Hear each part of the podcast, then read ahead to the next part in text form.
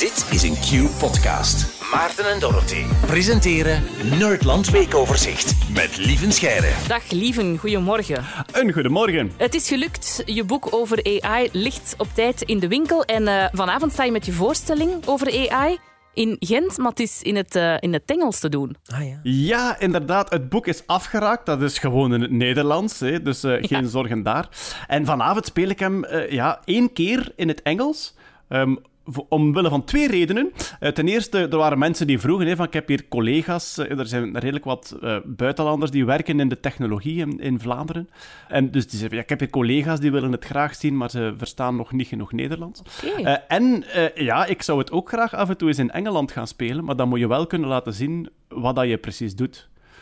So, uh, so this evening, uh, very English speaking, I will be doing. Nee, nee, nee, nee. Je kan dat veel beter, lieve. Je kunt keigoed Engels, so Oxford English.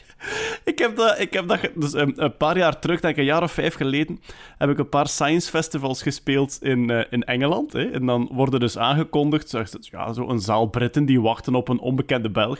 Ze van ja, um, from Belgium, talking about general relativity, uh, Lievenscheer. En ik kom naar een podium. En het eerste dat ik doe is, um, yes, uh, thank you for, for today. I say, I say maybe joke sometime, and I will say for you, for, for science. En je ziet die mensen in die zaal, maar echt, je ziet dat gezicht van, oh nee, anderhalf uur.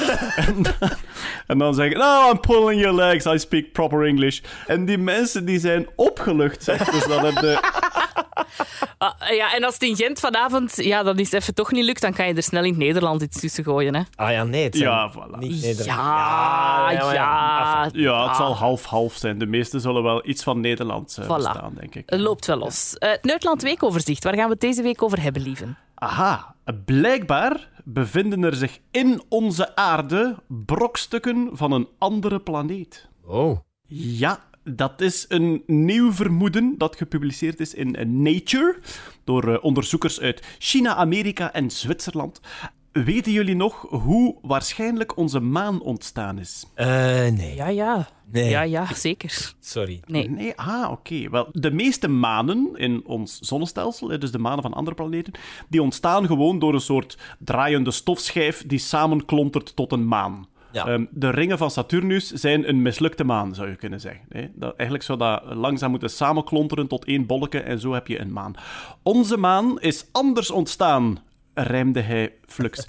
Onze maan is te groot om uit zo'n stofschijf ontstaan te zijn. Dus als je kijkt naar zo'n manen van andere planeten, dat zijn zo hele kleine stipjes rond een grote planeet. En wij hebben gewoon een joekel van een maan. Ja, dus als je, als je ooit wil stoeven tegen aliens, dan moet je zeggen van, ja, maar we hebben echt wel een grote maan. um, Oké. Okay. Ik onthoud het. Ja. Okay. ja, ja, voilà. Ja, ja. Onze maan is hoogstwaarschijnlijk ontstaan door een botsing van de aarde met een andere planeet, 4,5 miljard jaar geleden. Okay. Dus wat moet je je voorstellen? Het feit dat alles in ons zonnestelsel op dit moment zo goed geregeld is, dat al die planeten uit mekaars buurt blijven en niet meer botsen, dat is omdat de chaosperiode voorbij is. Um, alles wat kon botsen is intussen wel gebotst en dus alles hangt nu ongeveer in de eigen baan. Dat was vroeger niet zo.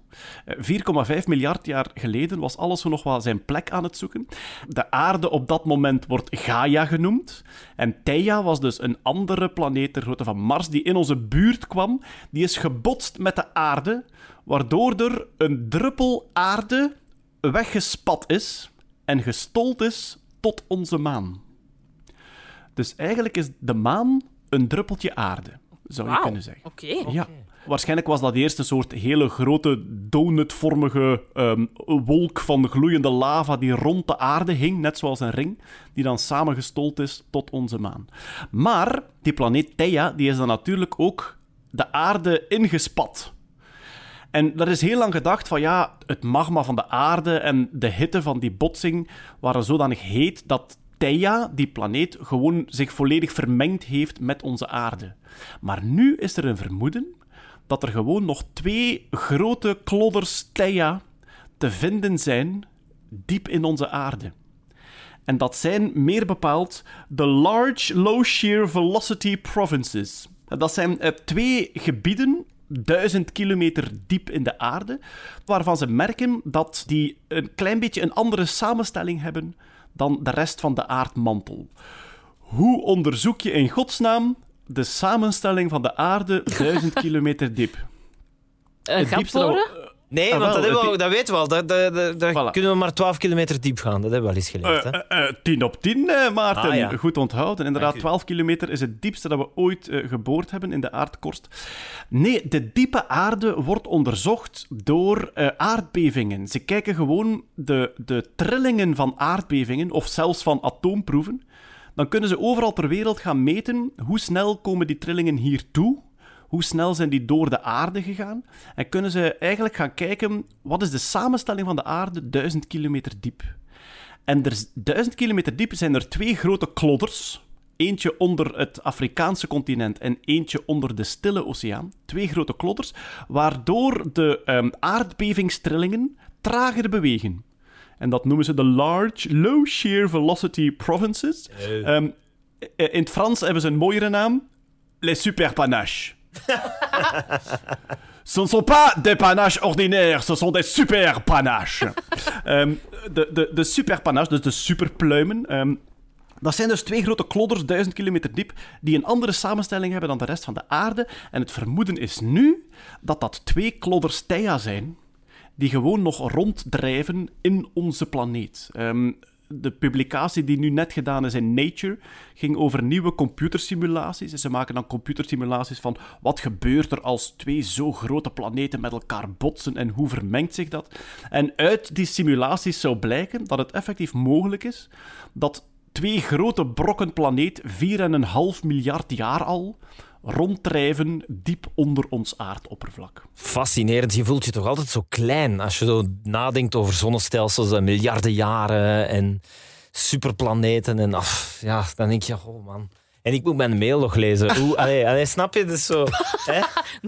Ja, maar, voel me zo klein dan. Maar maakt het iets uit? Zijn we daar iets mee met die stukken ja, planeet in de aarde? De basis hiervan is zuiver kennis. Het snappen hoe het allemaal werkt. Het zou ons ook heel veel kunnen leren over hoe andere zonnestelsels ontstaan. Eh, exoplaneten. Ja, dat zijn de dingen die we nu in de gaten houden met de James Webb-telescopen, Ja. waar we ook naar leven zoeken. Dus er wordt wel gehoopt dat we hierdoor ten eerste meer gaan weten over die botsing tussen Theia en Gaia. En ehm, ja, er gaan weer bemande missies naar de maan vertrekken de komende jaren. En dus wat ze effectief letterlijk gaan doen, dat is brokjes maan vergelijken met brokjes aarde, om te zien, is dat nu van hetzelfde gemaakt? My, cool. Goh, man, ik vind dat heel boeiend. Dankjewel, lieve Scheire, en tot volgende week. Met plezier. Dit was een podcast van Q-Music. Wil je meer? Wil je meer? Kijk op qmusic.be.